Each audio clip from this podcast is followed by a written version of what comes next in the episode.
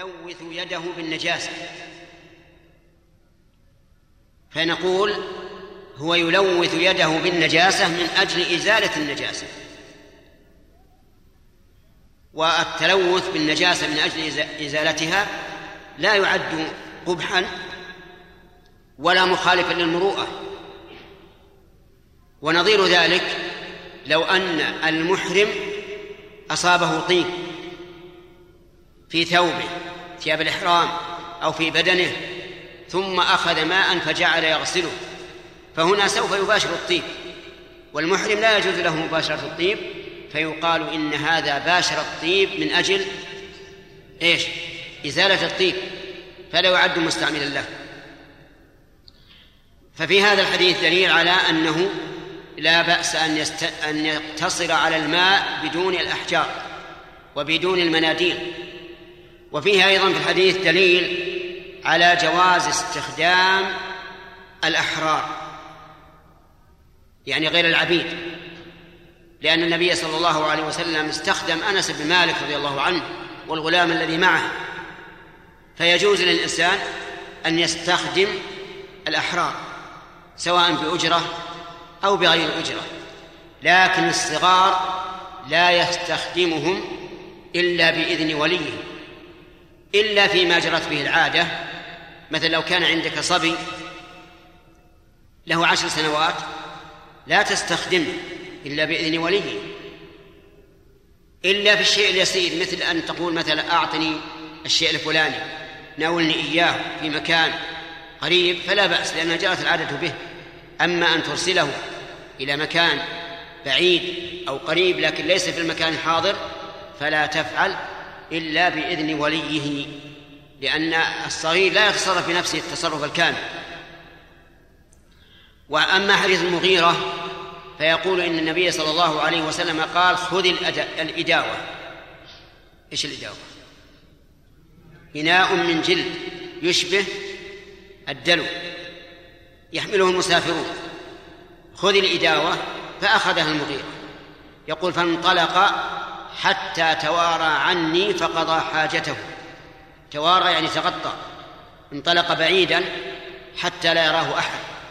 وهذا من آداب قضاء الحاجة. إذا أردت في البر أن تقضي حاجتك فأبعد حتى لا يراك الناس. لأن كون الإنسان يجلس يقضي حاجته والناس يرونه فيه شيء من القبح وفيه شيء من خرم المروءة. لكن أبعد حتى لا ترى إما أن تكون في وادي في شعيب أو تستظل أو تكون تتوارى في شجرة أو في أكمة أو في سيارة. المهم ألا تقعد أمام الناس حتى لو استدبرتهم ولم يشاهدوا عورتك. لا تجلس لأن هذا يخالف المروءة. أما أن يجلس ويكشف عورة أمام الناس فهذا حرام ولا يحل. والله أعلم. نقل المؤلف رحمه الله تعالى في سياق الأحاديث في باب آداب قضاء الحاجة. عن أبي هريرة رضي الله عنه قال قال رسول الله صلى الله عليه وسلم اتقوا اللعانين الذي يتخلى في طريق الناس أو ظلهم. رواه مسلم. وزاد أبو داود عن معاذ رضي الله عنه والموارد ولفظه. اتق اتقوا الملاعن الثلاثة. البراز في الموارد وقارعة الطريق والظل. اتقوا الملاعن الثلاثة. البراز في الموارد وقارعة الطريق والظل. ولأحمد عن ابن عباس أو نقع ماء وفيهما ضعف. وأخرج الطبراني النهي عن قضاء الحاجة تحت الأشجار المثمرة وضفة النهر الجاري من حديث ابن عمر بسند ضعيف. وعن جابر رضي الله عنه قال قال رسول الله صلى الله عليه وسلم إذا تغوط الرجلان فليتوارى كل واحد منهما عن صاحبه ولا يتحدثا فإن الله يمقت على ذلك. رواه أحمد وصححه ابن السكن وابن القطان وهو معلول.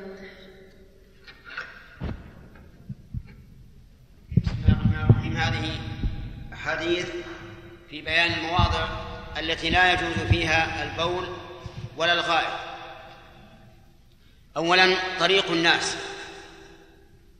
فإنه لا يجوز للإنسان أن يبول في الطريق ولا أن يتغوط في الطريق. لأن ذلك يؤذي المسلمين ويؤدي إلى تنجس أقدامهم وثيابهم.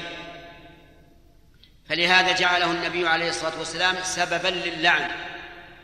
فقال اتقوا اللاعنين الذي يتخلى في في طريق الناس أو ظلهم.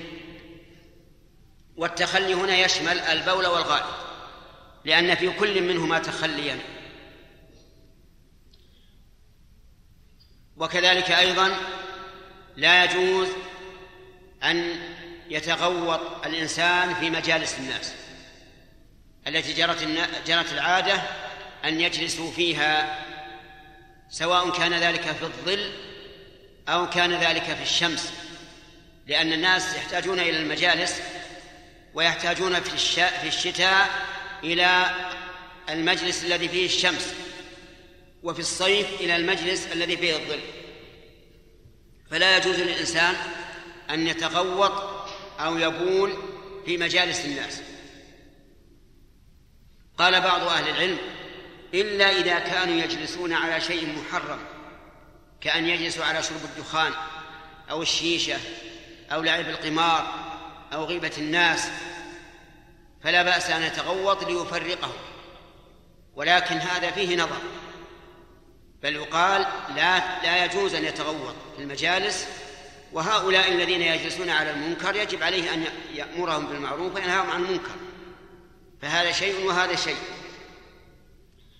وكذلك أيضا لا يجوز التغوط تحت الأشجار المثمرة سواء كانت ثمار مما يؤكل كالنخيل والعنب والأترج والبرتقال.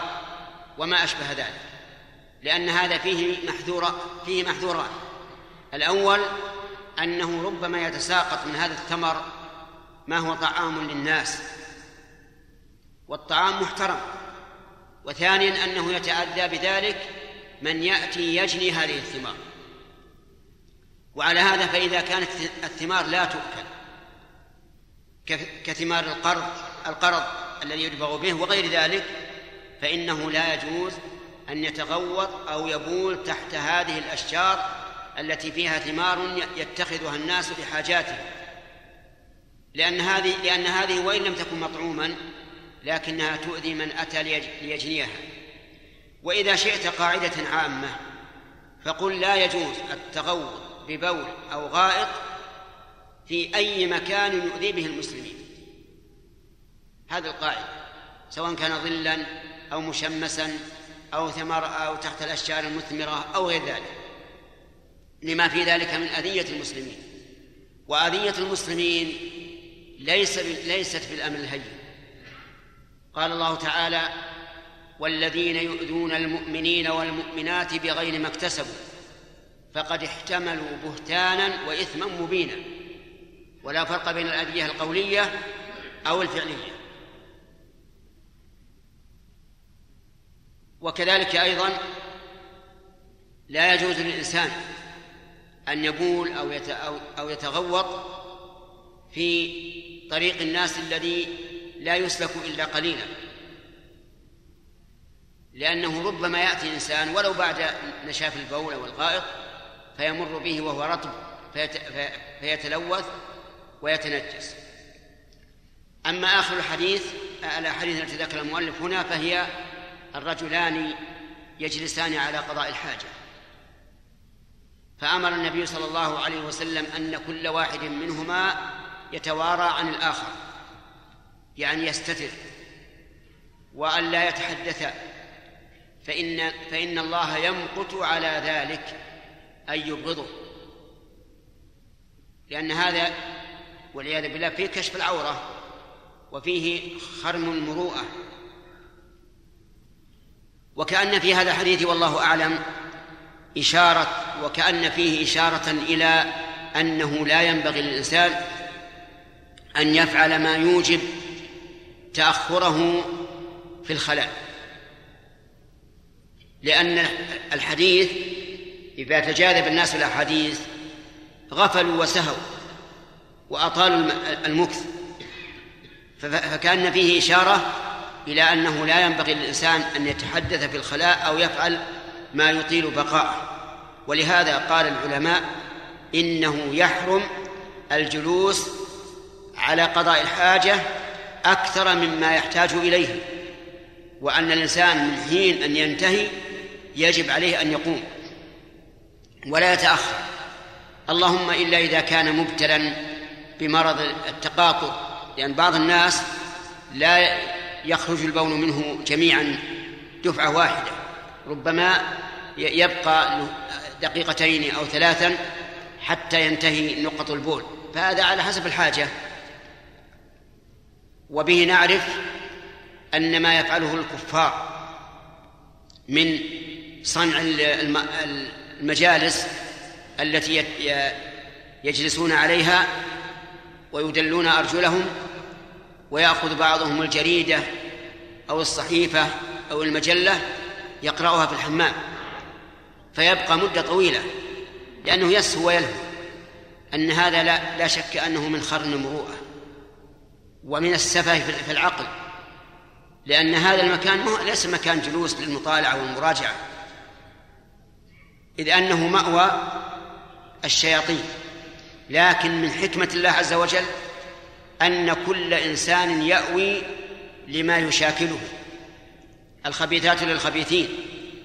لما كانت هذه المراحيض محل الخبث والشياطين صار هؤلاء الكفار الذين هم أولياء الشياطين.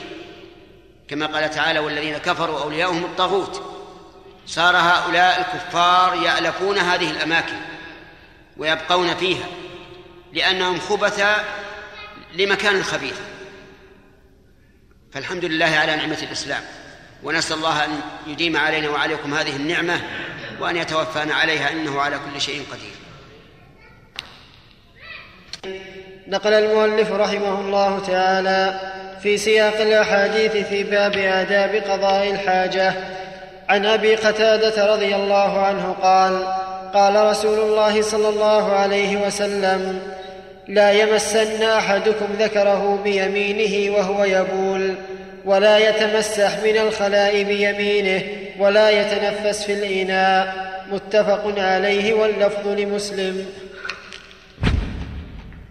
بسم الله الرحمن الرحيم. تقدم أنه أن هذه الشريعة الإسلامية كاملة من كل وجه وأنها أي الشريعة الإسلامية جاء فيها إخبار الناس بكل ما ينفعهم في دينهم ودنياهم.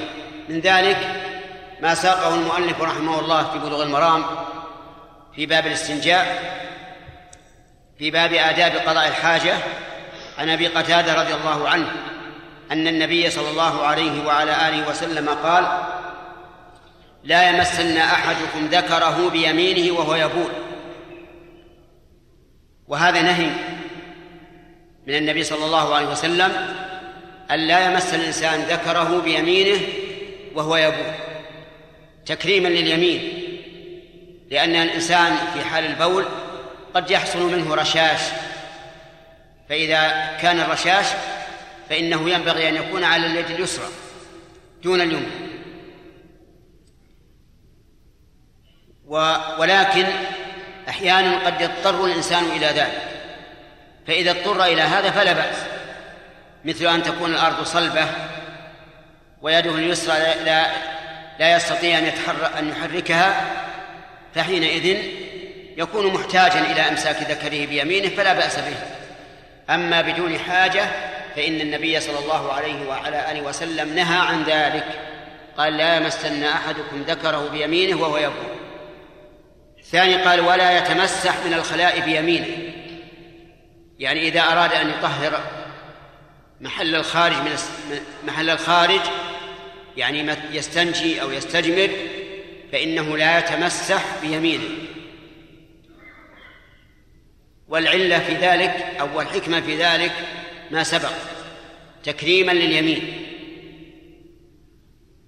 وعليه فيمسح بيساره لا في الاستجمار ولا في الاستنجاء. والثالث قال ولا يتنفس في الإناء في الإناء. وهذا أيضا مما نهى عنه الرسول عليه الصلاة والسلام لأن فيه أذية وربما يكون فيه ضرر.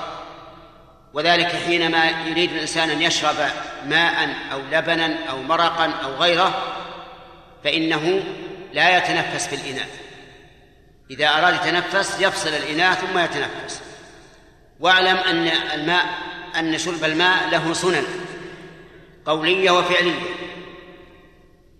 أما القولية فأن يسمي إذا أراد أن يشرب. وقال بعض العلماء يجب أن يسمي إذا أراد أن يشرب لئلا يشاركه الشيطان في شربه. وكذلك أيضا من السنن القولية أنه إذا انتهى حمد الله. أما السنن الفعلية فإنه يتنفس ثلاث مرات ويفصل الإناء عن فمه في كل مرة. فإنه إذا تنفس ثلاث مرات أهنأ وأبرأ وأمرأ في ثلاث فوائد الهناء والبراءة من الظمأ وأنه يكون أمرأ أسهل ل... أسهل لخروجه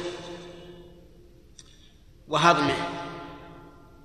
ومن السنن الفعلية أن الإنسان يمصه مصا يمص الماء مصا كما يمص الصبي اللبن من الثدي. من أجل أن ينزل إلى المعدة شيئا فشيئا ويكتسب من حرارة الفم ما يجعله مناسبا للمعدة. حتى لا ينزل إلى المعدة وهو بارد جدا فيؤثر عليها ولا سيما مع العطش الشديد فإن العطش الشديد يعني حرارة المعدة. فإذا نزل إليها الماء البارد دفعة واحدة تضررت فينبغي في شرب الماء أن الإنسان يمصه مصا. أما غيره من الأشربة فيعبه عبا كاللبن والمرق وما أشبه ذلك. وفي هذا الحديث دليل على شمول الشريعة الإسلامية. وأنها ولله الحمد ما تركت شيئا إلا بينته إلا بينته للناس. فنسأل الله أن يثبتنا وإياكم عليها وأن يرزقنا وإياكم العفو والعافية في الدنيا والآخرة.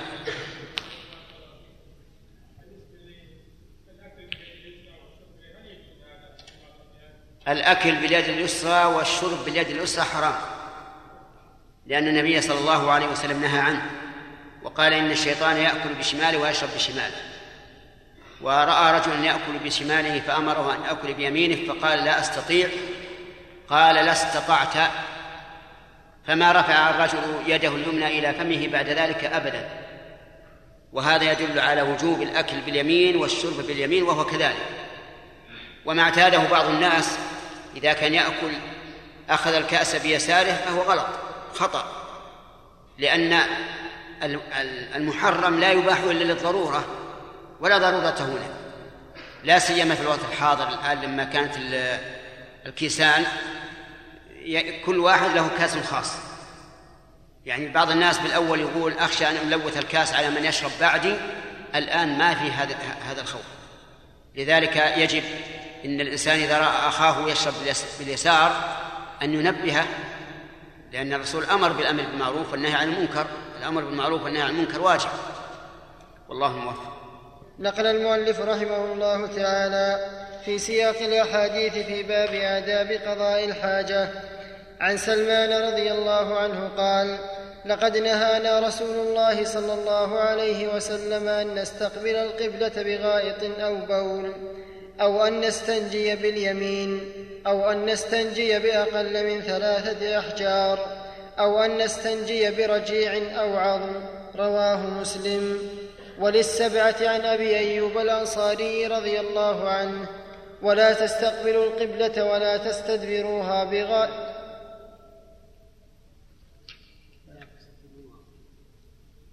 وللسبعة عن أبي أيوب الأنصاري رضي الله عنه لا تستقبلوا القبلة ولا تستدبروها بغائط أو بول ولكن شرقوا أو غربوا. وعن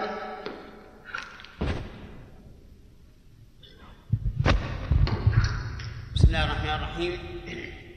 قال المؤلف رحمه الله تعالى فيما نقله في باب آداب قضاء الحاجة من الأحاديث عن سلمان رضي الله عنه وسلمان هو الفارسي وهو من فارس آمن بالنبي صلى الله عليه وسلم وقال عنه فيما يروى عن النبي عليه الصلاة والسلام سلمان منا أهل البيت. يعني من هذه الأمة. وإن كان فارسيا لأن الفرس والروم وغيرهم من الأمم إذا آمنوا بالرسول صلى الله عليه وسلم صاروا من أمته وصار لا فرق بينهم وبين العرب إلا بالتقوى. فمن كان منهم أتقى لله فهو أكرم عند الله عز وجل.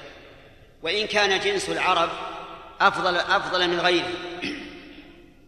لأن العرب هم الذين بعث منهم الرسول عليه الصلاة والسلام. والنبي صلى الله عليه وسلم لا يبعث إلا في أزكى الشعوب والقبائل. فاختاره الله عز وجل من هذه الأمة أي من من هذا من هذا الشعب أي من قريش مما يدل على أن هذا الشعب أفضل الشعوب وأفضل الأمم كما ذكر ذلك شيخ الإسلام ابن تيمية رحمه الله في كتابه اقتضاء الصراط المستقيم وهو واضح لأن الرسول عليه الصلاة لأن الله تعالى ما كان ليبعث أفضل الرسل إلا في أفضل الشعوب وهم العرب. لكن من آمن من غير العرب فإنه إذا كان خيرا من العربي في العلم والإيمان والتقوى فهو أكرم عند الله عز وجل. سلمان يقول رضي الله عنه لقد نهانا رسول الله صلى الله عليه وسلم أن نستقبل القبلة بغائط أو بول. وهذا من آداب قضاء الحاجة. تأخر يا أخي تأخر. هذا من آداب قضاء الحاجة أن لا تستقبل القبلة بغائط ولا بول. لا في البنيان يعني في البر ولا في البلد يعني في المراحيض لا تستقبلها لا بغائط ولا بول. وذلك لأن القبلة تجاه بيت الله. وإذا كان الله قد أوجب على كل مصل أن يصلي إلى القبلة فهذا يدل على تعظيم هذه القبلة. و... و... واستقبالها بالبول أو الغائط ينافي التعظيم. ولهذا نهى النبي عليه الصلاة والسلام أن يستقبل الإنسان القبلة بغائط أو بول. فمثلا إذا كان هنا في القصيم فإنه يتجه إلى الجنوب أو إلى الشمال. وإذا كان في المدينة يتجه إلى الشرق أو الغرب. لأن النبي صلى الله عليه وسلم قال لأهل المدينة لا تستقبلوا القبلة بغائط ولا بول ولا تستدبروها ولكن شرقوا أو غربوا. فلما بين لهم صلوات الله وسلامه عليه الجهات الممنوعة بين لهم الجهات الجائزة لأن هذه من عادة الرسول. إذا ذكر الممنوع ذكر الجائز من أجل أن الناس يسهل عليهم ترك الممنوع. إذن يحرم على الإنسان أن يستقبل القبلة بغائط أو لا في الفضاء ولا في البنيان. والدليل حديث سلمان وحديث أبي أيوب الذي أخرجه السبعة الأئمة أئمة الحفاظ والمخرجين للأحاديث اخرجوا عن أبي أيوب الأنصاري رضي الله عنه أن النبي صلى الله عليه وسلم قال لا تستقبلوا القبلة ولا تستدبروها بغائط ولا بول. ولكن شرقوا أو غربوا. قال أبو أيوب فقدمنا الشام. فوجدنا مراحيض قد بنيت نحو الكعبة. فننحرف عنها ونستغفر الله.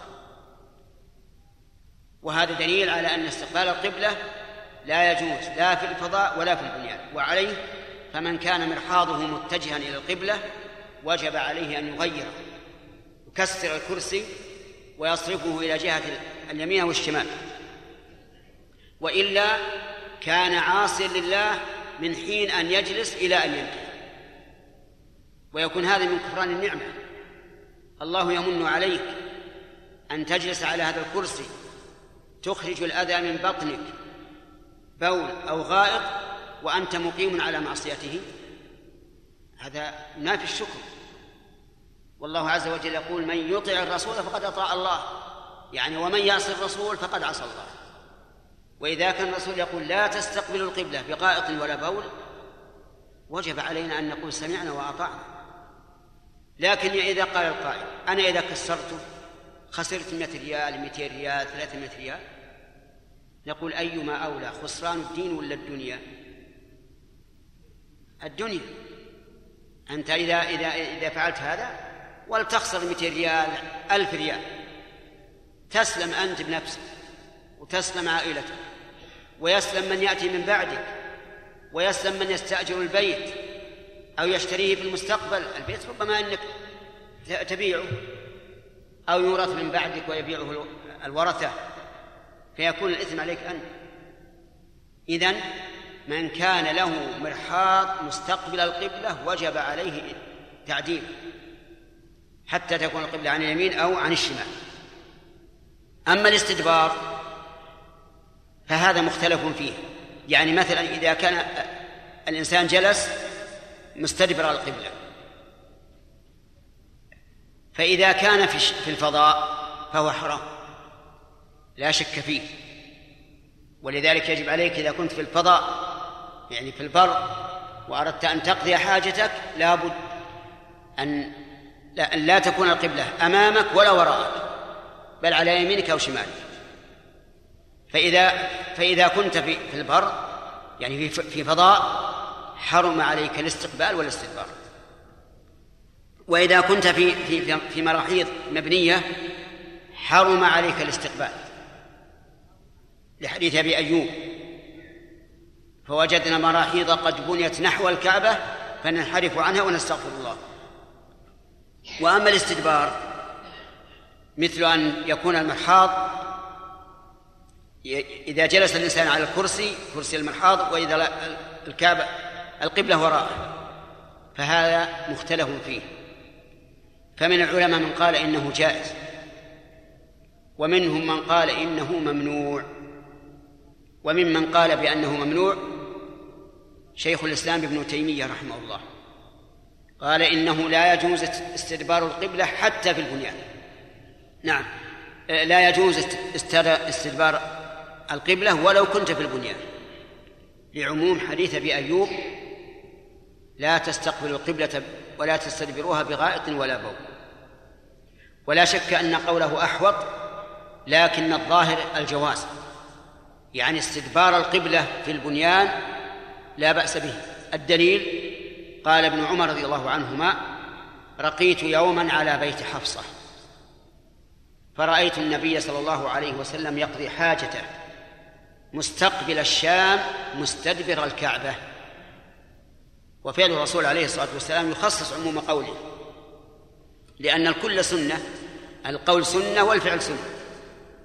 فإذا رأى فإذا كان الرسول عليه الصلاة والسلام يقضي حاجته مستقبل آه، مستدبر الكعبة مستقبل الشام في البنيان أمكن الجمع. قد يقول قائل مثلا إنه لا يجوز لأنها لأننا لا ندري هل النهي قبل ذلك أو بعد ذلك. قد يكون النهي عن استقبال القبلة واستدبارها بعد أن كان الرسول يستدبرها. لا ندري.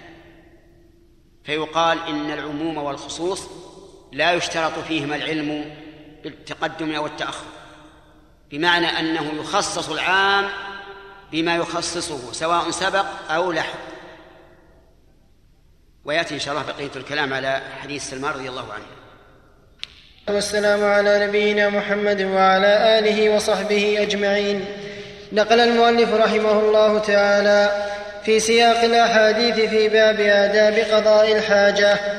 عن سلمان رضي الله عنه قال لقد نهانا رسول الله صلى الله عليه وسلم أن نستقبل القبلة بغائط أو بول أو أن نستنجي باليمين أو أن نستنجي بأقل من ثلاثة أحجار أو أن نستنجي برجيع أو عظم. رواه مسلم بسم الله الرحمن الرحيم نقل الحافظ بن حجر رحمه الله في كتابه بلوغ المرام في آداب قضاء الحاجة مما ذكر من الأحاديث حديث سلمان الفارسي رضي الله عنه أنه أن النبي أنه قال لقد نهانا رسول الله صلى الله عليه وسلم وذكر الحديث. وسبب تحديثه بهذا أن رجلا من المشركين قال له علمكم نبيكم حتى الخراءة. يعني علمكم نبيكم كل شيء حتى آداب قضاء الحاجة. قال أجل. يعني علمنا كل شيء. فالنبي صلى الله عليه وعلى آله وسلم علم أمته كل شيء ما من شيء تحتاجه الأمة في أمور دينها ودنياها إلا علمها إياه عليه الصلاة والسلام. ما من خير إلا دلهم عليه وحثهم عليه وما من شر إلا بينه وحذرهم منه. صلوات الله وسلامه عليه حتى ترك أمته على بيضاء نقية لا يزيغ عنها إلا هذا قال أبو ذر لقد توفي رسول الله صلى الله عليه وسلم وما طائر يقلب جناحيه في السماء إلا ذكر لنا منه علما حتى الطيور في السماء. ذكر النبي صلى الله عليه وسلم لأمته منها علما. فما من شيء يحتاجه الناس إلا بينه لهم. حتى القراءة. قال سلمان للرجل المشرك نعم لقد نهانا أن نستقبل القبلة بغائط أو بول وسبق لنا الكلام على هذه الجملة وبينا أنه لا يحل للإنسان أن يستقبل القبلة حال قضاء الحاجة ولا أن يستدبرها وأنه إذا كانت المراحيض قد بنيت واتجاهها إلى القبلة وجب نقضها وصرفها عن اتجاه القبلة. وأما استدبار القبلة فذكرنا أن الإنسان إذا كان في البنيان وفي مكان آه، محيط به جدران فلا بأس أن يستدبرها. قال رضي الله عنه لقد نهانا أن نستقبل القبلة بغائط أو بول وأن نستنجي باليمين. يعني نهى النبي عليه الصلاة والسلام أن الإنسان يستنجي باليمين سواء بالأحجار أو بالمناديل أو بالتراب أو بالماء. المهم أن لا تجعل اليد اليمنى تباشر تنقية القبل أو الدبر وإنما يكون ذلك بأي شيء؟ باليد اليسرى لأن اليمنى تقدم على اليسرى ولا واليسرى للأذى والقدر. ولذلك عندما يريد الإنسان أن يتمخط يعني يخرج ما في أنفه من الأذى فلا يتمخط باليد اليمنى بل باليد اليسرى. لأن القاعدة عند العلماء أن اليسرى تقدم للأذى واليمنى لما سواه. ولهذا نهي الإنسان أن يأكل أن يأكل بالشمال وأمر أن يأكل باليمين وأن ونهي أن يعطي بالشمال وأن يأخذ بالشمال بل يكون إعطاؤه وأخذه باليمين. وقوله أن نستنجي باليمين وأن نستنجي بأقل من ثلاثة أحجار. وهنا أطلق الاستنجاء وأراد به الاستجمار يعني أيضا نهى الرسول أن يستجمر الإنسان بأقل من ثلاثة أحجار. حتى ولو أنقى. يعني لو أن إنسانا آه، مسح ذكره بعد انتهاء البول مرة ثم الثانية وأنقى. ما بقي فيه رطوبة إطلاقا. قلنا لابد أن تمسح الثالثة. لأن النبي صلى الله عليه وسلم نهى أن يستجمر بأقل من ثلاثة أحجار. فإذا مسح الثالثة ولم ينقي زاد الرابعة فإذا أنقى في الرابعة قلنا له زد خامسة. لأن النبي صلى الله عليه وسلم أمر بالاستجمار أن يكون على وتر. فقال وإذا استجمر أحدكم فليوتر. إذا أنقى بأربع يزيد خامسة. وإذا أنقى بست مثلا يزيد سابعة. ولا ينقص عن ثلاثة أحجار. وقال وأن نستنجي برجيع أو عظم. يعني ونهى أن نستنجي بالرجيع أو العظم والرجيع هو أرواث البهائم. ووجه ذلك أن أرواث البهائم إن كانت نجسة كأرواث الحمير والبغال فإنه لا يجوز الاستجمار بها لأنها لا تزيد الإنسان إلا نجاسة. وإن كانت طاهرة كبعر الإبل وثلط البقر وما أشبه ذلك فإنه لا يجوز الاستجمار بها لأنها علف بهائم الجن. علف بهائم الجن. فإن الجن لما وفدوا إلى الرسول وكان منهم مسلمون الجن ذكر الله في سورة الجن أنهم ثلاثة أقسام. قسم مسلم وقسم كافر قسم صالح وقسم دون ذلك. فهذه أربعة أقسام مسلم وكافر يعني مسلم كامل الإيمان وكافر خالص وصالح ودون ذلك.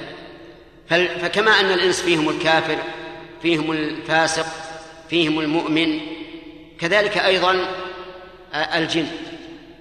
فيهم الصالحون وفيهم دون ذلك فيهم القاسطون وهم الكفار وفيهم المسلمون. المهم أن الذين وفدوا من الجن إلى رسول الله صلى الله عليه وسلم آمنوا به وصدقوه ولما اجتمعوا إليه قالوا أنصتوا يعني قال بعضهم لبعض أنصتوا ليستمعوا القرآن. فلما ولوا فلما قضي وولوا إلى قومهم منذرين. فانظر آداب الجن في حضور الذكر. تواصوا بالإنصات.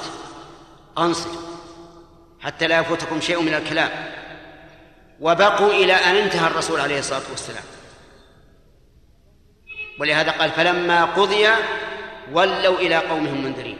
يعني ما قاموا قبل أن يخلص الرسول عليه الصلاة والسلام من الذكر. لأن الإنسان الذي يقوم من الذكر بدون عذر خطر عليه أن ينصرف عن ذكر الله عز وجل بدون عذر. أما إذا كان عذر فلا بأس لكن إذا حضرت مجالس الذكر لا تنصرف حتى يقضي. لا يكون الجن آدب منك. الجن لما قضي ولوا إلى قومهم منذرين فانتفعوا هم وذهبوا دعاة إلى الحق. فقالوا إنا سمعنا قرآنا عجبا إنا سمعنا كتابا أنزل من بعد موسى مصدقا لما بين يديه إلى آخره. المهم أنه لا يجوز أن يستجمر الإنسان بروث البهائم. إن كان نجسا فنجاسته وإن كان طاهرا فلاحترامه لأنه علف بهائم الجن أو عظم. كذلك أيضا لا يجوز للإنسان أن يستجمر بالعظم. العظم إن كان من مذكات يعني عظم مثلا شاة مذبوحة أو بعير أو بقرة أو غيره مما ذكي فهو طاهر. لكن لا يجوز لا تجوز لا يجوز الاستجمار به لأنه زاد الجن طعام الجن. هذه العظام التي نرمي بها يجدها الجن مملوءة لحما. فإن النبي صلى الله عليه وسلم قال للوفد الذي أتوه لكم كل عظم ذكر اسم الله عليه تجدونه أوفر ما يكون لحما سبحان الله. عظم في تحت الجدار أو في الزبالة يكون لحما؟ نقول نعم يكون لحما. نؤمن بذلك. لأن الذي أخبرنا من؟ الرسول عليه الصلاة والسلام. لكننا لا نراه. لأن الجن محجوبون عنا هم وأطعمتهم وأحوالهم. ما ندري عنهم شيئا. لكننا نؤمن بما أخبر به الصادق المصدوق عليه الصلاة والسلام. ولكم كل بعرة علفا لدوابه فلهذا لو أن الإنسان استجمر ببعرة ثلاث مرات وأنقت تماما فإن ذلك لا ينفعه ولا يطهر المحل. وذلك لأنه استجمر بما نهى عنه الرسول عليه الصلاة والسلام. وكذلك يقال في العظام. العظام الطاهرة عرفنا أنها تكون لحما للجن والعظام النجسة كعظم حمار مثلا. لا يجوز الاستجمار بها لماذا؟ لأنها نجسة. لا تزيد الإنسان إلا نجاسة. ولا يمكن أن تستجير من الرمضاء بالنار. فبهذا الحديث وبغيره من الأحاديث يتبين لنا أن الشريعة الإسلامية شاملة عامة لكل شيء. وفهمنا من هذا الحديث أن الاستجمار يجب أن يكون بشيء طاهر وأن يكون بغير محترم فلا يجوز الاستجمار بالطعام ولا بعلف البهائم ولا بالأوراق التي فيها ذكر الله أو فيها كلام أهل العلم الشرعي كالفقه. أما ال ال الأوراق التي ليس فيها إلا كلام فاضي ما في ما, ما في خير فهذه لا حرمة لها. لكن الأوراق اللي فيها ما يحترم من كلام العلماء أو أشد من ذلك كلام الرسول وأشد من ذلك كلام الله عز وجل فهذه لا يجوز الاستجمار بها. كذلك لا بد في الاستجمار من أن يكون بثلاثة أحجار فأكثر فلا يجوز الاقتصار على ما دون ذلك. وإذا نقى الإنسان بما يجوز الاستجمار به وبالعدد المطلوب صار كأنه غسل فرجه تماما. يعني كالماء تماما. لو ترطب المحل بعرق أو غيره فإنه لا ينجس الثياب لأنه بالاستجمار يكون طاهرا تماما. نقل المؤلف رحمه الله تعالى في سياق الأحاديث في باب آداب قضاء الحاجة. عن عائشة رضي الله عنها قالت إن النبي صلى الله عليه وسلم قال من أتى الغائط فليستتر. رواه أبو داود. وعنها أن النبي صلى الله عليه وسلم كان إذا خرج من الغائط قال غفرانك. أخرجه الخمسة وصححه أبو حاتم والحاكم. وعن ابن مسعود رضي الله عنه قال أتى النبي صلى الله عليه وسلم الغائط فأمرني أن آتيه بثلاثة أحجار فوجدت حجرين ولم أجد ثالثا فأتيته بروثة فأخذهما وألقى الروثة وقال هذه رجس أو ركس. أخرجه البخاري وزاد أحمد والدار قطني ائتني بغيرها.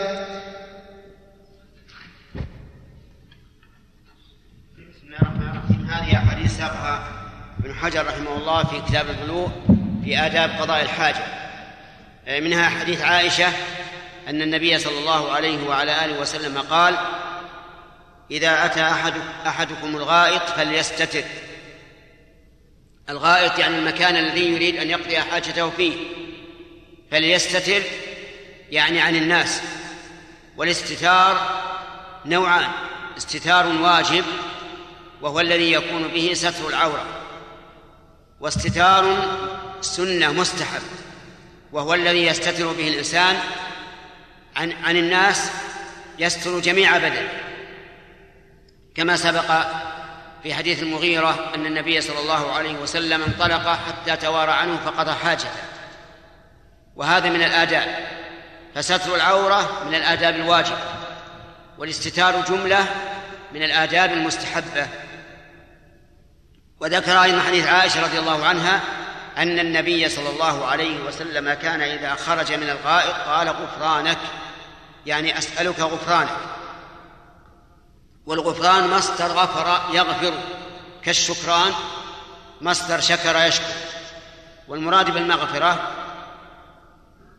أن الله تعالى يستر الذنب ذنبك ويعفو عنك فلا يعاقبك عليه. وهذا يعني المغفرة تكون في الدنيا وفي الآخرة. فأما في الدنيا فإن الحسنات يذهبن السيئات. وأما في الآخرة فإن الله تعالى يخلو بعبده المؤمن فيقرره بذنوبه. يقول فعلت كذا يوم كذا وكذا وكذا. ثم يقول الله له إني قد سترتها عليك في الدنيا وأنا أغفرها لك اليوم. واختلف العلماء في السبب لماذا كان يقول غفرانك والصحيح أن السبب في هذا أن الإنسان لما تخلى عن عن الأذى المؤذي في في بدنه سأل الله أن أن أن يخليه من الأذى الذي هو العقوبة لأن الذنوب تثقل الكاهن وتهلك الإنسان وهذا الخارج الخبيث أيضا يثقل يؤذي الإنسان ويثقل كاهله ويؤدي إلى الهلاك. لو احتبس لو احتبس البول والغائط لهلك الإنسان. فلما تذكر الإنسان أن الله خفف عنه بخروج هذا الأذى سأل الله أن يخفف عنه ذنوبه. هذا هو أصح ما قيل في السبب والحكمة من كون الإنسان إذا خرج قال غفرانك. فإذا خرجت من الحمام قدم رجلك اليمنى. قدم رجلك اليمنى وقل غفرانك. وإن زدت الحمد لله الذي أذهب عني الأذى وعافاني فحسن. وأما حديث ابن مسعود رضي الله عنه أن النبي صلى الله عليه وسلم أتى الغائط فأمره أن يأتيه بثلاثة أحجار. فوجد حجرين ولم يجد ثالثا فأخذ روثة فجاء بها جهلا منه رضي الله عنه. فأخذ النبي صلى الله عليه وسلم الحجرين وألقى الروثة وقال إنها رجس أو قال ركس. ائتني بغيره. فدل هذا على أن أن أن الاستجمار فدل هذا على أن الاستجمار لا يكفي بأقل من ثلاثة أحجار. وعلى أن الاستنجاء بالنجس لا يفيد. لأن النبي صلى الله عليه وسلم علل رد الروثة بأنها رجس أي نجس. وهذا لأنها روثة حمار وروث الحمار نجس. وفي هذا الحديث دليل على استخدام الأحرار أنه يجوز للإنسان أن يستخدم الحر. ولكن إن كان بالغا عاقلا فهو الذي بسم الله الرحمن الرحيم الحمد لله رب العالمين والصلاة والسلام على نبينا محمد وعلى آله وصحبه أجمعين قال رحمه الله تعالى باب الغسل وحكم الجنب عن ابي سعيد الخدري رضي الله عنه قال قال رسول الله صلى الله عليه وسلم الماء من الماء رواه مسلم واصله في البخاري وعن أبي هريرة رضي الله عنه قال قال رسول الله صلى الله عليه وسلم إذا جلس بين شعبها الأربع ثم جهدها فقد وجب الغسل متفق عليه وزاد مسلم وإن لم ينزل قال رحمه الله في كتابه بلوغ المرام باب الغسل وحكم الجنوب تركنا الكلام على بقية أحاديث الباب السابق لأن معناها قد تقدم لنا وشرحناه ولا حاجة إلى إعادته فبدأنا بهذا الباب باب الغسل وحكم الجنوب أي بيان ما يوجب الغسل وذلك أن الطهارة نوعان طهارة من الحدث الأصغر توجب الوضوء فقط وهي تطهير الأعضاء الأربعة الوجه واليدين والرأس والرجلين. وطهارة كبرى توجب الغسل. يعني غسل البدن كل غسل البدن كله. وفي هذا الباب بين المؤلف رحمه الله ما تيسر من ذلك. فذكر حديث أبي سعيد الخدري رضي الله عنه أن النبي صلى الله عليه وسلم قال الماء من الماء. الماء الأول يعني ماء الطهارة والماء الثاني يعني المني. المعنى أن الغسل لا يجب إلا بالإنزال بانزال المني. وهذا كان في أول الأمر كان في أول الإسلام أنه لا يجب الغسل إلا من الإنزال حتى لو جامع الإنسان فلا غسل عليه إذا لم ينزل. ففي هذا الحديث دليل على أنه متى نزل المني وجب الغسل سواء نزل بجماع أو نزل بتقبيل أو بضم أو تفكير أو غير ذلك. المهم أن ينزل بشهر. وأما إذا نزل المني لمرض بالإنسان فإنه لا يوجب الغسل وإنما يوجب الوضوء فقط. لأن الماء الذي يوجب الغسل هو الدافئ. كما قال تعالى فلينظر الإنسان مما خلق خلق من ماء دافئ. والدافق هو الموجب للغسل لأن هذا الدافق بإذن الله يخرج من جميع البدن. وأما الذي ليس بدافق فإنه لا يوجب الغسل إلا إذا كان من نائم. فالنائم إذا استيقظ ووجد على لباسه منيا فإنه يجب عليه الغسل وإن لم يذكر الاحتلام لأن النائم لا لا يشعر ربما يحتلم ويتلذذ ويخرج منه المني بلذة ولكن بدون شعور. على كل حال المني إذا كان من يقظان فلا بد أن يكون بلذة حتى يوجب الغسل. أما إذا كان بغير لذة فلا يجب فيه إلا الوضوء. أما إذا كان من نائم بأن استيقظ النائم بأن استيقظ النائم ووجد على لباسه أو على فخذه أثر الجنابة فإنه يجب عليه أن يغتسل. هذا أحد موجبات الغسل. إنزال المني. الموجب الثاني الجماع. فمتى جامع الرجل امرأته سواء أنزل أم لم ينزل فإنه يجب عليه أن يغتسل. وسواء أولج جميع ذكره أو أولج الحشفة. ولهذا قال عن أبي هريرة رضي الله عنه أن النبي صلى الله عليه وسلم قال إذا جلس بين شعبها الأربع ثم جهدها فقد وجب الغسل. إذا جلس بين شعبها الأربع وهما وهن اليدان والرجلان وهو كناية عن الجماع. ولهذا قال ثم جهدها أي أولج فيها ذكره. ولو بقدر الحشفة لقول النبي صلى الله عليه وسلم إذا التقى الختانان فقد وجب الغسل. والختانان المراد به ختان الذكر الذي حده من من فوق الحشفة وختان الأنثى. والمهم أن العلماء يقولون إذا غيب الحشفة فإنه يجب الغسل على الرجل والمرأة سواء حصل الإنزال أم لم يحصل. ولهذا قال في رواية مسلم فقد وجب الغسل وإن لم ينزل فهذان موجبان للغسل. الأول إنزال المني والثاني الجماع وإن لم ينزل والله موفق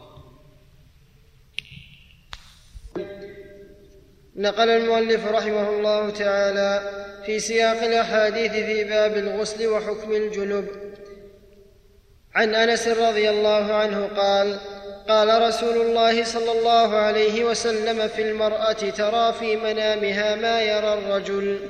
قال تغتسل. متفق عليه. زاد مسلم فقالت أم سلمة فقالت أم سلمة وهل يكون هذا؟ قال نعم فمن أين يكون الشبه؟ وعن عائشة رضي الله عنها قالت كان رسول الله صلى الله عليه وسلم يغتسل من أربع من الجنابة ويوم الجمعة ومن الحجامة ومن غسل الميت رواه أبو داود وصححه ابن خزيمة.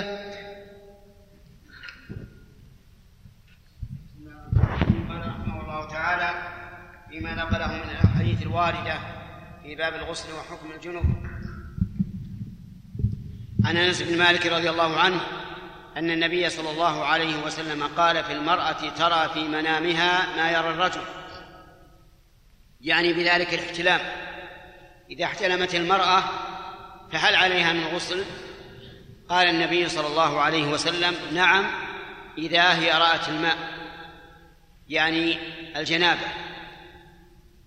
ففهم من هذا أن المرأة قد تحتمل. ولهذا لما لما قال النبي صلى الله عليه وعلى آله وسلم ذلك قالت أم سلمة أو يكون هذا؟ قال نعم. فمن أين يكون الشبه؟ يعني أن للمرأة ماء يحصل عند الشهوة كما أن للرجل كذلك.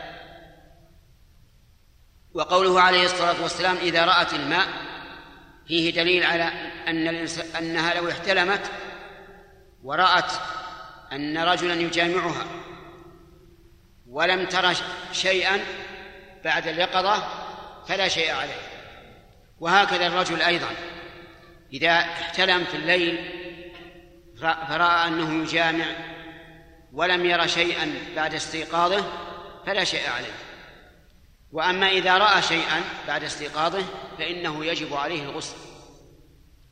وإذا رأى بللا ولم يدري أهو بول أو مني وأشكل عليه فإنه يغسله يعني يغسل هذا البول يصل هذا البلل ولا يجب عليه الغسل. يصله احتياطا ولا يجب عليه الغسل لأنه لم يتيقن أنه أجنب. فإن رأى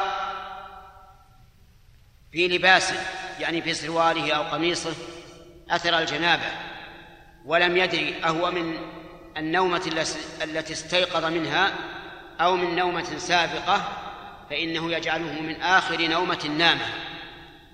مثال ذلك رجل لما كان بعد الظهر وجد في لباسه أثر المني. ولا يدري هل هو من نوم القائلة أو من نوم الليل. إن كان من نوم القائلة فإنه لا يعيد فإنه يغتسل ولا يعيد إلا صلاة الظهر. وإن كان من نوم الليل فإنه يغتسل ويعيد الفجر والظهر. نقول اجعله من نوم القائلة من آخر نومة لأن ما قبلها مشكوك فيه والأصل عدم الجنابة. ثم ذكر حديث عائشة أن النبي صلى الله عليه وسلم كان يغتسل من أربع من الجنابة ويوم الجمعة ومن الحجامة وغسل الميت.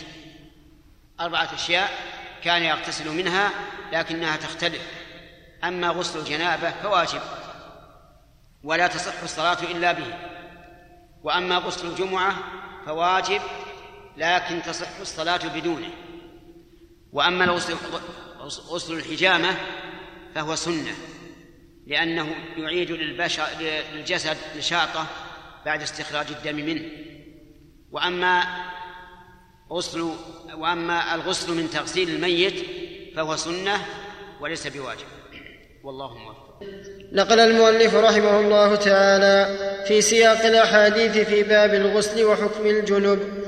عن, عن أبي هريرة رضي الله عنه في قصة ثمامة بن أثال عندما أسلم وأمره النبي صلى الله عليه وسلم أن يغتسل رواه عبد الرزاق وأصله متفق عليه.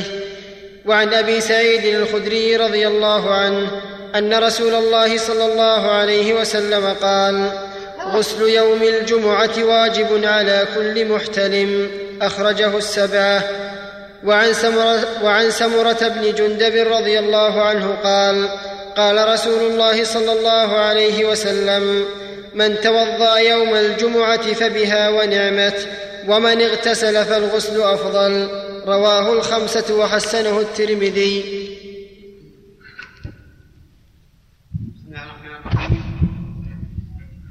ذكر المؤلف رحمه الله في كتاب الغسل وحكم الجنوب في باب الغسل وحكم الجنوب من بلوغ المرام. أحاديث سبق الكلام عليها.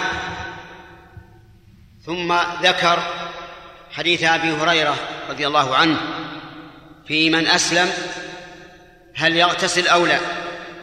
فذكر أبو هريرة أن ثمامة بن أثال أن ثمامة بن أثال أسلم. فأمره النبي صلى الله عليه وعلى آله وسلم أن يغتسل. وهذا الأمر ليس للوجوب على القول الراجح وإنما هو للاستحباب لأنه أسلم أناس كثيرون لا يحصون كثرة على عهد النبي صلى الله عليه وسلم بدون أن يأمرهم بالاغتسال. ومثل هذا الأمر أعني الاغتسال عند الإسلام يخفى على من أسلم حديثا. وإذا كان الرسول عليه الصلاة والسلام لم يبين ذلك لمن يسلم ولم يشتهر مع أنه مما تتوافر الدواعي على نقله دل ذلك على أنه ليس بواجب. فإذا أسلم الإنسان قلنا له الأفضل أن تغتسل تطهيرا لجسمك كما طهرت قلبك من الشرك. أما الوجوب فلا لكن الختان يجب. على من أسلم ولم يختتن يجب عليه أن يختتن. لأن الختان واجب. لكن إذا خيف أننا لو أمرناه بالختان من حين أن يسلم لارتد عن الإسلام فإننا لا نأمر بذلك. ننتظر حتى يتمكن الإسلام من قلبه ويدخل الإيمان ويدخل الإيمان قلبه حينئذ نأمره لأن بعضهم أي بعض الذين أسلموا حديثا ربما لو قلت لا بد أن نختتن لا بد أن تختتن ينفر ويدعو الإسلام. فلا يمكن أن نأمره بشيء من مشروعات الإسلام من أجل أن نهدم الإسلام. بل ننتظر حتى إذا تمكن الإيمان من قلبه أمرناه بالختام. ثم ذكر حديث أبي سعيد حديث أبي سعيد رضي الله عنه في غسل الجمعة. فقد روى أبو سعيد عن رسول الله صلى الله عليه وعلى آله وسلم أنه قال غسل الجمعة واجب على كل محتلم. غسل الجمعة يعني الغسل الذي يجب للجمعة. واجب أي لازم على كل محتلم أي على كل بالغ. وهذا يدل على وجوب غسل الجمعة على كل بالغ ولكنه مقيد بمن يحضر الجمعة. وأما من لا يحضر الجمعة من النساء والمرضى والمسافرين إذا لم يكونوا في بلد تقام فيه الجمعة وما أشبه ذلك فهؤلاء لا غسل عليه الغسل واجب على من يحضر الجمعة. حتى لو كان مسافرا وهو في بلد نازل يوم الجمعة ويمشي منها في آخر النهار فإن الجمعة واجبة عليه وغسلها واجب عليه. لكن إذا تعذر عليه الغسل سقط الواجب. وهذا الغسل الواجب ليس عن جنابة. ولهذا لو فرض أن الإنسان صلى الجمعة بلا اغتسال قلنا إنك آثم ولكن صلاة الجمعة صحيحة لأن هذا الغسل للتطهر وليس عن حدث. كما قال النبي صلى الله عليه وعلى آله وسلم لو أنكم تطهرتم ليومكم هذا. وهذا القول أعني القول بوجوب غسل الجمعة هو الراجح من أقوال العلماء والدليل فيه واضح جدا. فإن النبي صلى الله عليه وسلم قال غسل الجمعة واجب. واجب. والقائل من؟ الرسول عليه الصلاة والسلام. وهو أعلم الخلق بشريعة الله. لا شك في هذا يعلم الواجب من الشريعة وغير الواجب. ثم هو أفصح الخلق في كلامه وبلاغته. فلا يمكن أن يعبر عن شيء ليس بلازم فيقول إنه واجب. ثم هو أيضا أنصح الخلق. لا يمكن أن يعبر بما يدل على الوجوب وليس بواجب. لأنه لو عبر عن عن الشيء الذي ليس بواجب بلفظ الوجوب لعد هذا تعمية ولكن الرسول عليه الصلاة والسلام كلامه صريح. ما فيه تعمية ولا تضليل. واضح وضوح الشمس. ثم إنه يؤيد الوجوب أن أمير المؤمنين عمر بن الخطاب رضي الله عنه كان يخطب الناس يوم الجمعة. فدخل أمير المؤمنين عثمان رضي الله عنه وهو يخطب. وكان أمير أمير المؤمنين عمر هو الخليفة فدخل عثمان فانتقده ان تاخر في الحضور. فقال والله يا أمير المؤمنين ما زدت على أن توضأت ثم أتيت. فقال والوضوء أيضا يعني ما اغتسلت. وقد قال النبي صلى الله عليه وسلم إذا أتى أحدكم الجمعة فليغتسل. فوبخه أمام الناس وهو يخطب. ومقام عثمان رضي الله عنه في الإسلام معروف. ليس من الأعراب أو من الناس الذين يوبخون هذا التوبيخ أمام أعين الناس. ولا ولا يمكن لأمير المؤمنين عمر أن يوبخه هذا التوبيخ في هذا المجمع إلا وهو يرى أنه واجب. ولذلك الإنسان قد يأخذه العجب أن يقول لماذا ذهب بعض العلماء إلى عدم الوجوب مع أن الحديث صريح واضح من أفصح الخلق وأنصح الخلق وأعلم الخلق بشريعة الله. كيف يكون هذا؟ لكن الذين قالوا بعدم الوجوب استدلوا بالحديث الذي بعده.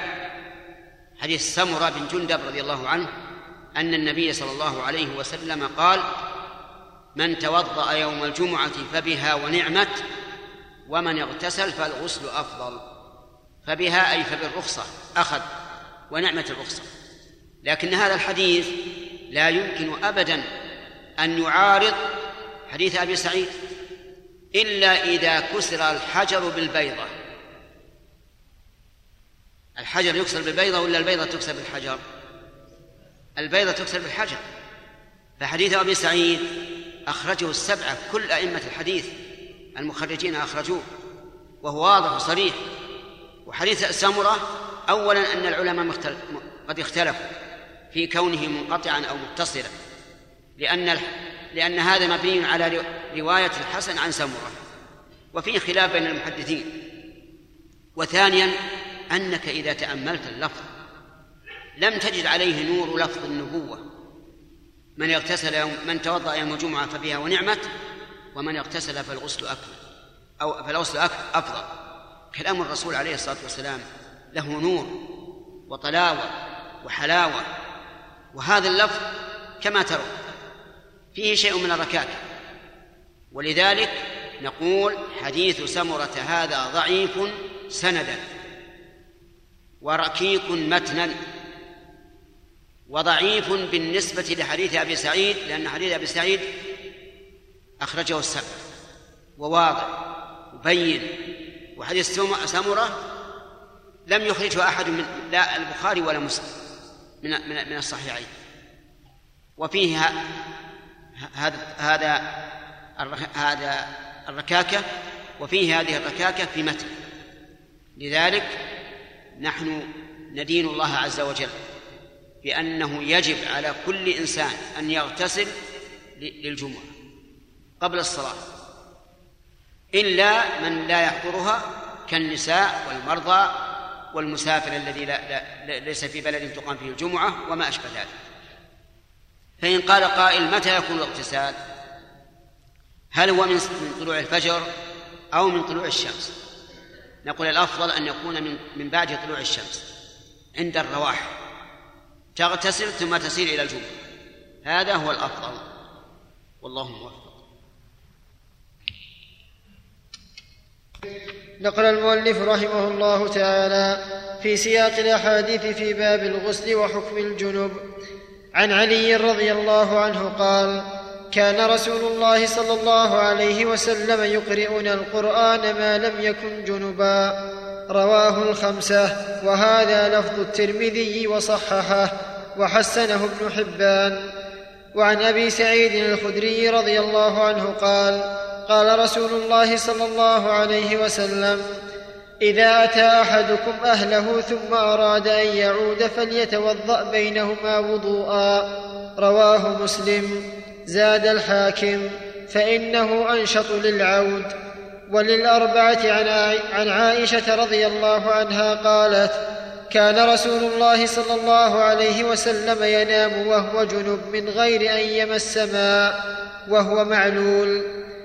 وعن عائشة رضي الله عنها قالت كان رسول الله صلى الله عليه وسلم إذا اغتسل من الجنابة يبدأ فيغسل.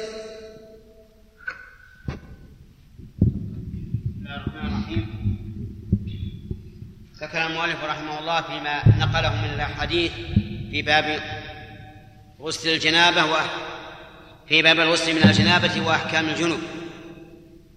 عن علي بن أبي طالب رضي الله عنه قال كان النبي صلى الله عليه وسلم يقرئنا القرآن ما لم يكن جنبا يعني يعلمهم القرآن إلا إذا كان على جناب وفي لفظ ما لم نكن جنبا يعني إذا كان المعلمين إذا كان المعلمون جنوبا فلا يقرئهم.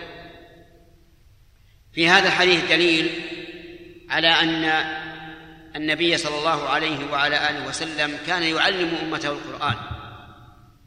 وقد حث عليه الصلاة والسلام على تعليم القرآن. فقال خيركم من تعلم القرآن وعلمه. وهذا يشمل تعليم لفظه وتعليم معناه. فيكون الذي يعلم التفسير خير الناس.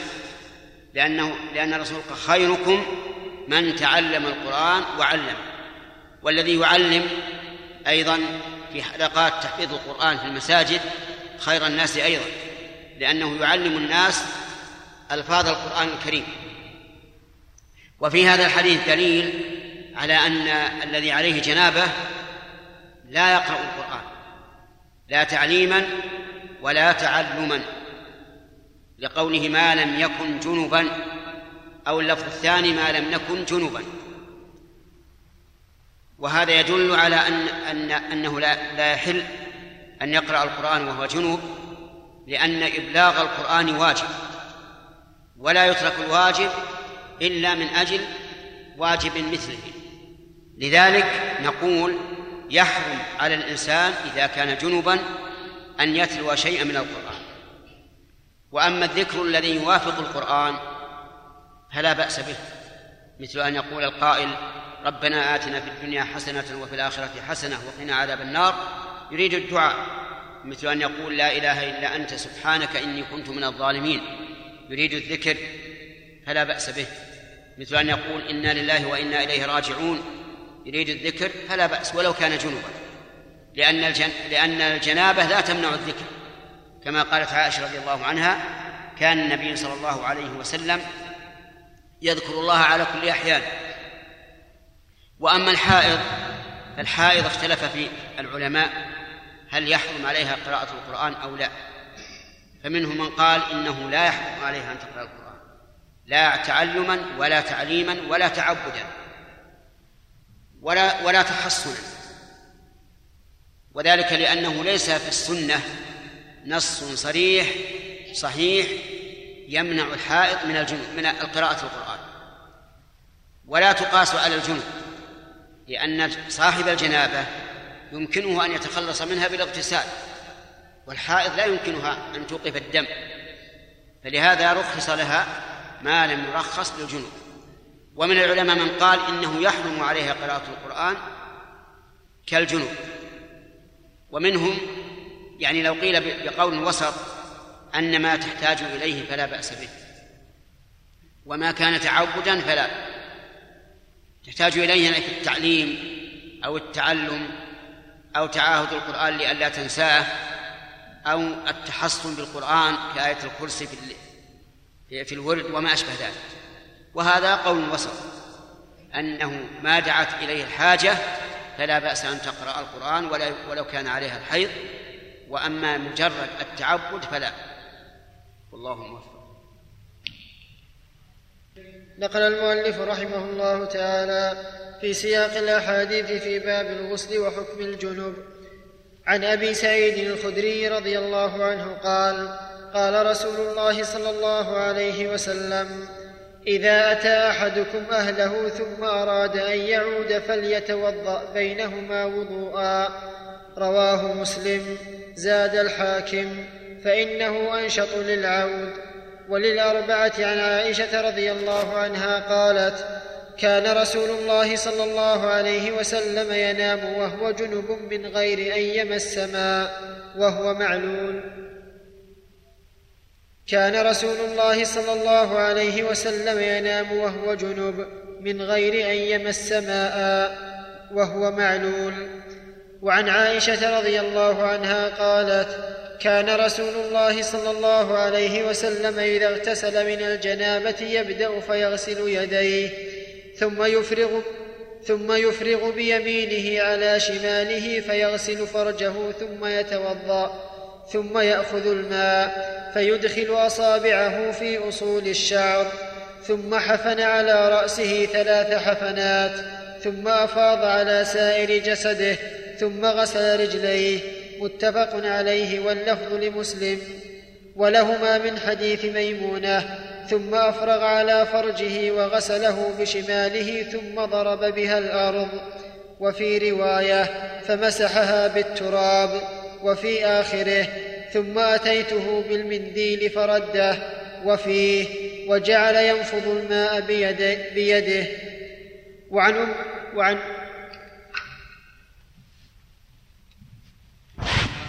هذه أحاديث ساقها حافظ بن حجر في بلوغ المرام فيما يتعلق بالجنوب.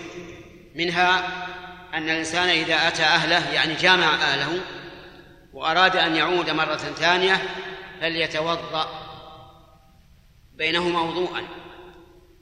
يعني وذلك لوجهين الوجه الأول أن الوضوء يخفف الجنابة والثاني أنه يعطي الجسد نشاطا.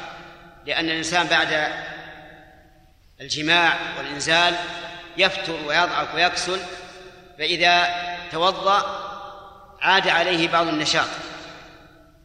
فيستفاد من هذا الحديث أن الدين الإسلامي أنه شامل لمصالح البدن ومصالح القلب ومصالح القلب ولأمور الدين والدنيا. ويستفاد منه أن الإنسان إذا أراد أن يأتي أهله مرة ثانية بعد الأول فإنه يتوضأ يعني يغسل وجهه ويديه ويمسح رأسه ويغسل رجليه. وهذا ليس على سبيل الوجوب بل بل على سبيل الاستحباب. ولهذا كان النبي صلى الله عليه وعلى آله وسلم أحيانا يطوف على نسائه كلهن بغسل واحد. ومن ذلك أيضا أن الإنسان إذا أراد أن ينام بعد الجماع فالأفضل أن يغتسل. فإن لم يمكن فليتوضأ. فإن لم يمكن فلينم ولا حرج عليه. لأن النبي صلى الله عليه وسلم أحيانا يجامع يعني يأتي أهله ثم ينام ولا ولا يمس ماء. ولكن يكره للإنسان أن ينام على جنابه دون أن يتوضأ. لأن النبي صلى الله عليه وسلم سئل أيرقد أحدنا وهو جنب؟ قال نعم إذا توضأ فليرقد. ولأن الإنسان لا يدري فلعل هذه آخر رقدة يرقدها. فلا ينبغي أن ينام على جنابه بل إما أن يغتسل وهو أفضل أو يتوضأ. ثم ذكر صفة صفة الغسل في حديث عائشة وميمونة رضي الله عنهما والغسل له صفتان. صفة واجبة لا بد منها وهي أن ينوي الإنسان رفع الجنابة أو ينوي الصلاة ونحوها مما لا بد فيه من الغسل ثم يعم بدنه جميعه بالماء مع المضمضة والاستنشاق وهذا مجزئ. فلو نوى الإنسان وانغمس في بركة وخرج منها أجزأه وإن لم يتوضأ. لكن لا بد من المضمضة والاستنشاق. أما الصفة الثانية فهي الأكمل والأفضل. أن يغسل فرجه وينظفه مما حصل من أثر الجنابة ثم يتوضأ وضوءا كاملا ثم يحثي على رأسه ثلاث حثيات يروي, يروي بذلك أصول شعره ثم يغسل سائر بدنه. وهذا هو الأفضل. ولو اقتصر على الأول لكفى.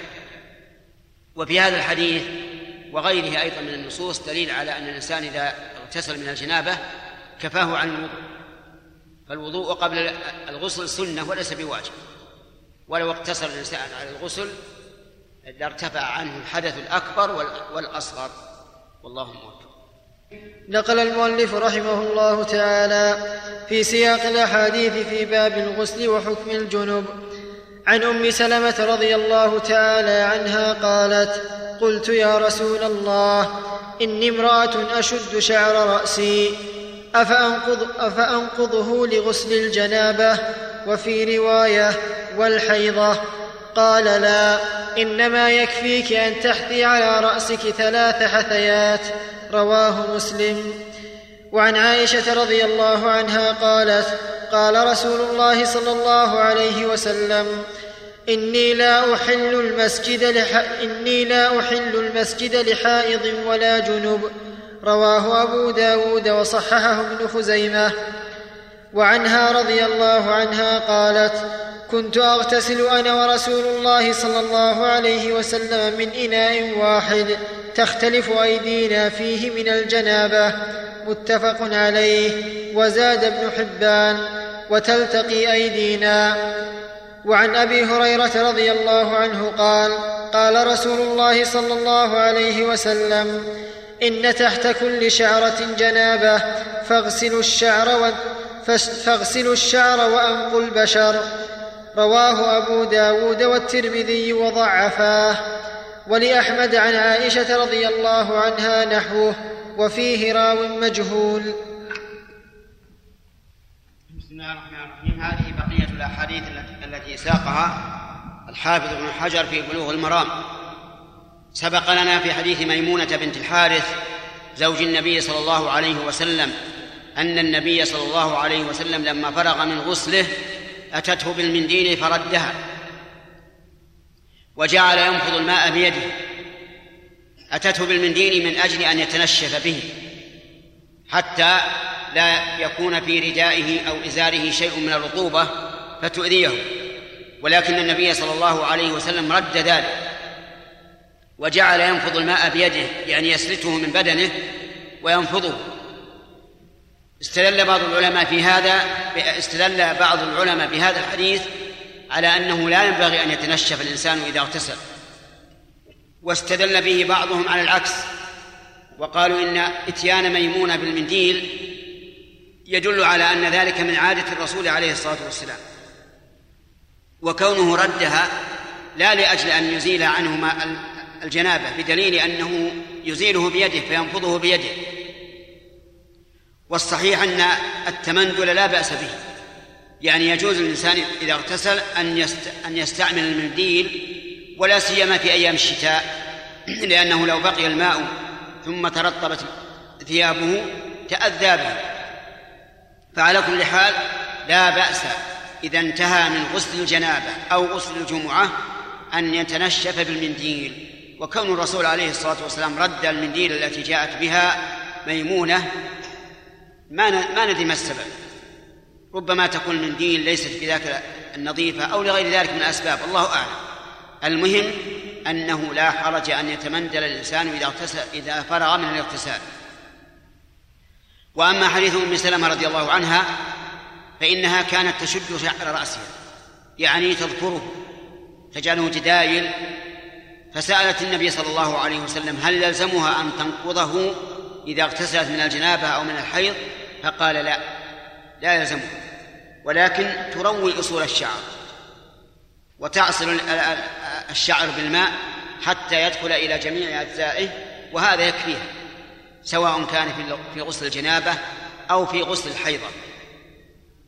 لأن المقصود تعميم الماء لسائر الجسد. ثم ذكر حديث عائشة أن النبي صلى الله عليه وسلم قال إني لا أحل المسجد لحائض ولا جنوب.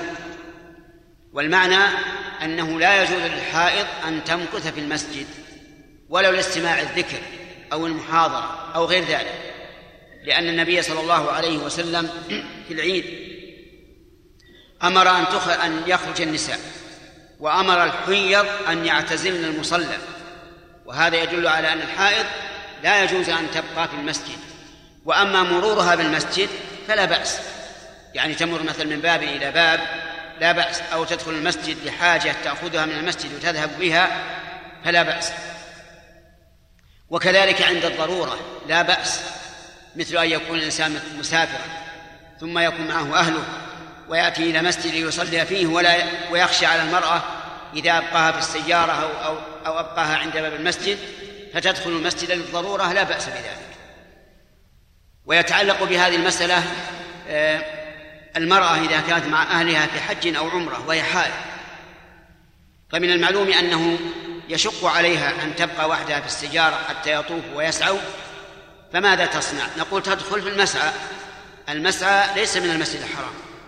ولذلك إذا خرج المعتكف من المسجد الحرام الذي اعتكف في المسجد الحرام إلى المسعى بطل اعتكافه إلا إذا كان هناك ضرورة لأن المسعى ليس من المسجد. وكذلك أيضا يجوز للحائض أن تمكث في المسعى ويجوز للجنوب أن يمكث في المسعى ويجوز البيع والشراء في المسعى لأنه ليس من المسجد الحرام. ولا يجوز الطواف فيه في المسعى لأنه ليس من المسجد الحرام. والطواف لا بد أن يكون في المسجد. وعلى هذا فإذا ازدحم الناس وصاروا يطوفون بالسطح فإنهم إذا وصلوا إلى المهبط الذي على المسعى لا ينزلون معه لأنهم لو نزلوا لخرجوا من المسجد والطواف لا بد أن يكون في المسجد فلا يصح طوافه. اللهم إلا إذا كان هناك زحام شديد في السطح ولم يتمكن الإنسان واضطر إلى أن ينزل إلى المسعى والناس كلهم مجتمعون بعضهم إلى بعض فنرجو أن لا يكون في هذا بأس. أما مع السعة فلا يجوز الطواف في المسعى لأنه ليس من المسجد. كذلك الجنوب. يقول النبي عليه الصلاة والسلام إنه لا يحل المسجد لجنوب والحكمة والله أعلم أن الملائكة لا تدخل بيتا فيه جنوب فإذا دخل المسجد آذى الملائكة لأن الملائكة محلهم المساجد. كما قال النبي عليه الصلاة والسلام من أكل بصلا أو ثوما فلا يقربن مساجدنا فإن ذلك يؤذي الملائكة. فلا يحل للجنوب أن يدخل المسجد ويمكث فيه. أما عبور فلا بأس كما قال تعالى ولا جنبا إلا عابري سبيل قال العلماء ما لم يتوضأ فإن توضأ الجنب جاز أن يمكث في المسجد يعني إن توضأ كما يتوضأ للصلاة بدون اغتسال فلا بأس أن يمكث في المسجد. واستدلوا بأن الصحابة رضي الله عنهم العزاب كانوا ينامون في المسجد وكان الإنسان إذا وكان الواحد إذا أجنب منهم توضأ وعاد فنام. هذا مما مما يباح للجنب أن يمكث في المسجد إذا توضأ أما بدون وضوء فلا. وعلى هذا فنقول الجنب لا يصلي.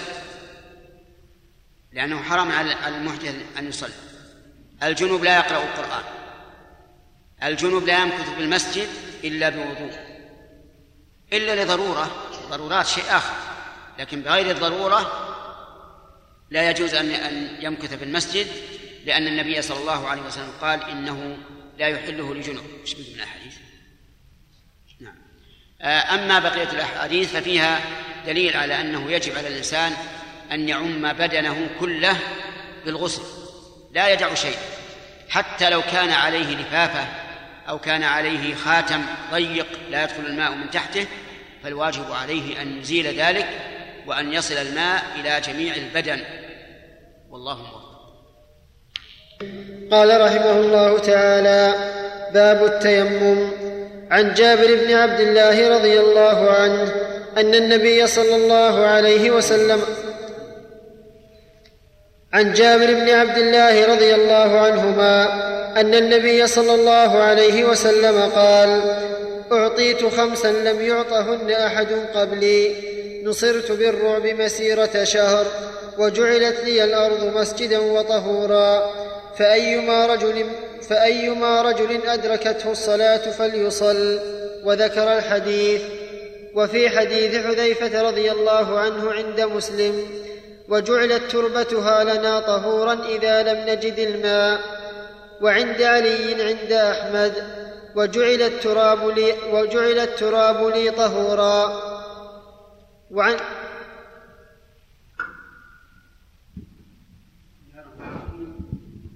قال الحافظ ابن حجر رحمه الله في كتابه بلوغ المرام باب التيمم. لما ذكر رحمه الله الطهارة بالماء وضوءا وغسلا ذكر التيمم وهي الطهارة بصعيد الأرض. وذلك بأن يضرب الإنسان بيديه على الأرض فيمسح وجهه وكفيه فقط. وهي أي طهارة التيمم بدل عن طهارة الماء. وهي من خصائص هذه الأمة. كما في حديث جابر بن عبد الله رضي الله عنهما أن النبي صلى الله عليه وسلم قال أعطيت خمسا لم يعطهن أحد قبلي. يعني من الأنبياء. وفضل الله تعالى واسع ولا حجر على الله. فمن شاء أعطاه من فضله ومن شاء لم يعطه لأن الملك ملك الله عز وجل. يعطي من يشاء ويمنع من يشاء. لا مانع لما أعطى ولا معطي لما منع. يقول أعطيت خمسا يعني أعطاني الله تعالى خمسا فضلني بها على الأنبياء من قبله نصرت بالرعب مسيرة شهر. يعني أنه إذا كان له عدو من الكفار فإن عدوه يكون مرعوبا منه إذا كان بينه وبينه مسافة مسافة قصر مسافة شهر. ومن المعلوم أن الرعب إذا